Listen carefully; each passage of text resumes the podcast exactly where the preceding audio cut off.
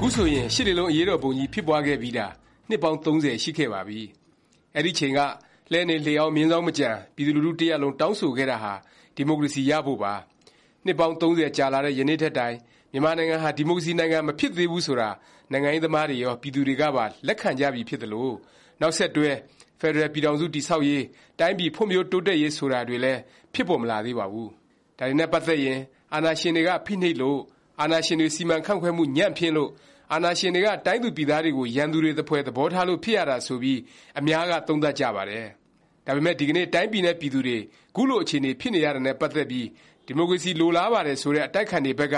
ဘာအားနည်းချက်၊ဘာလိုအပ်ချက်တွေ ရှိနေသလဲ၊ဘာအမှားအယွင်းတွေ လုပ်ခဲ့ကြသလဲ ဆိုတာကိုတော့ သုံးသပ်တာ မတွေ့ရသလောက် နည်းပါးပါတယ်။ခုတစ်ပတ် ရှစ်လေးလုံး နှစ် ၃၀ ခရီးကနေ ဘာတွေ သင်ခန်းစာ ယူသင့်သလဲ ဆိုတာ ဆွေးနွေးတင်ပြသွားပါ့မယ်။၁၉၈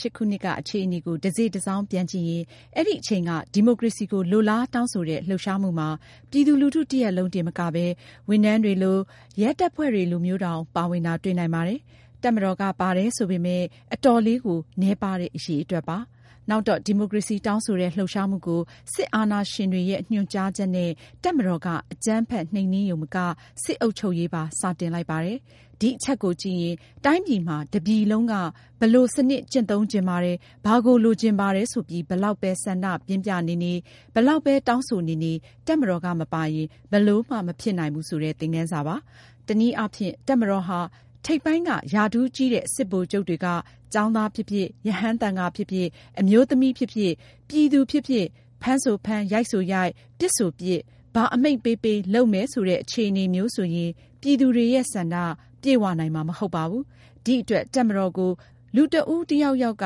ဘာအမိန့်ပေးပေး နာခံတဲ့ အဖွဲ့အစည်းမျိုး ဆိုတာထက် ဖွဲ့စည်းပုံ အခြေခံဥပဒေ၊တည်ဆဲဥပဒေ၊ စစ်စည်းကမ်း စစ်ဥပဒေတွေကို နာခံတဲ့ တပ်မတော်မျိုး ဖြစ်လာအောင် စည်းရုံးကြဖို့ လိုပါတယ်။ဒေါ်အောင်ဆန်းစုကြည် အပါအဝင် အတိုက်အခံတွေဟာ နှစ်၃၀အတွင်း ဒါကို စနစ်တကျ အကောင်အထည် ဖော်ခဲ့ကြပါရဲ့လား ဆိုတာ မေးခွန်းထုတ်စရာပါ။နောက်တစ်ခုက အတိုက်အခံတွေရဲ့ ဒီမိုကရေစီ တိုက်ပွဲ ဆင်နွဲှခဲ့ကြတဲ့ ပုံသဏ္ဍာန်ပါ။မြန်မာနိုင်ငံက အတိုက်အခံတွေဟာ အာဏာရှင်တွေကို မကြောက်မရွံ့ အသတ်အသေခံ၊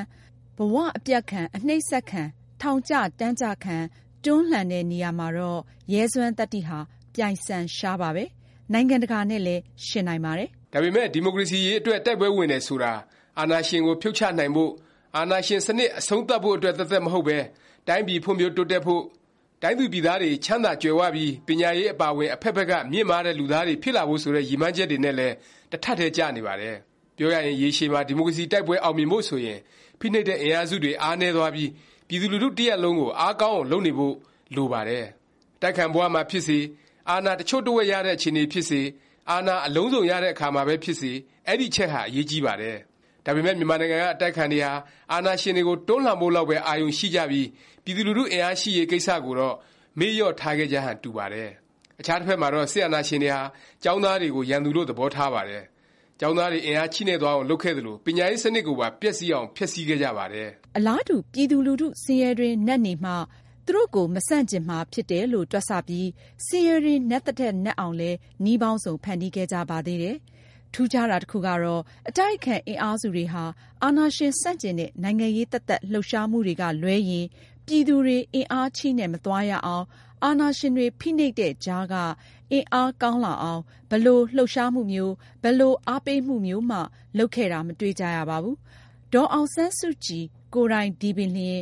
အာဏာရှင်တွေက ကျောင်းသားတွေကို ဖိနှိပ်နေတယ်၊ပညာရေးစနစ်ကို ဖျက်ဆီးနေတယ်၊ဒါပေမယ့် ဘယ်လို အခြေအနေရောက်ရောက် ပညာကို တတ်အောင် သင်ကြား ဆိုပြီး လှုံ့ဆော်တာမျိုး မလုပ်ခဲ့သလို၊တိုင်းသူပြည်သားတွေကိုလည်း ဆင်းရဲနိမ့်ကျအောင် မနေကြနဲ့၊ဘယ်လိုပဲ ဖိနှိပ်ဖိနှိပ် ချမ်းသာအောင် ကြိုးစားကြ ဆိုတာမျိုးလည်း မပြောခဲ့ပါဘူး။ကျောင်းသားတွေကို သတ္တိရှိကြဖို့၊နိုင်ငံရေးကို စိတ်ဝင်စားဖို့ လှုံ့ဆော်တာမျိုးလောက်ပဲ ရှိခဲ့တာပါ။ဒါကြောင့်လည်း အားလုံးသိကြတဲ့အတိုင်း ပြည်သူလူထုဟာ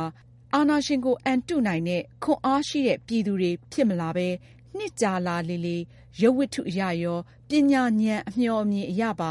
အင်အားချည့်နဲ့တဲ့ ပြည်သူတွေ ဖြစ်လာတော့တာပါပဲ။နောက်တစ်ချက်က လက်ရှိ တိုင်းပြည်အခြေအနေကို ပြန်ကြည့်ရင်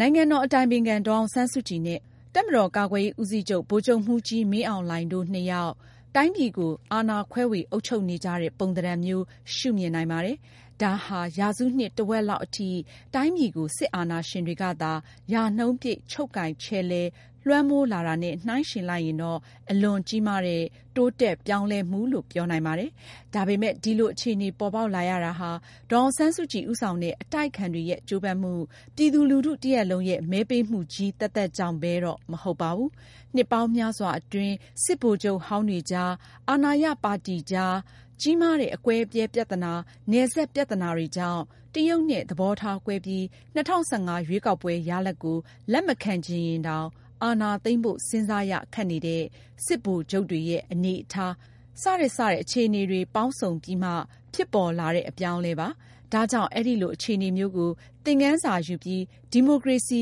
ဒီထက် ပိုခိုင်မာလာအောင် အတွေးအခေါ်တွေ ပြောင်းလဲဖို့ အများကြီး ကြိုးစားဖို့ လိုပါသေးတယ်။ဝမ်းနည်းစရာ တစ်ခုကတော့ ၈၈ အရေးအခင်းပြီးနောက် နှစ် ၃၀ ကြာလာတဲ့တိုင် မြန်မာနိုင်ငံဟာ အခြားသော ဒီမိုကရေစီ အရေး တိုက်ပွဲဝင်ခဲ့တဲ့ နိုင်ငံတွေထက်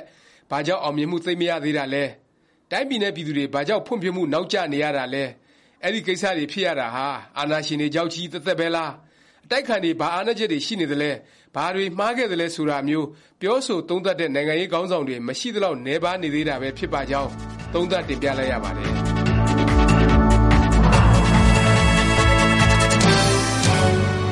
်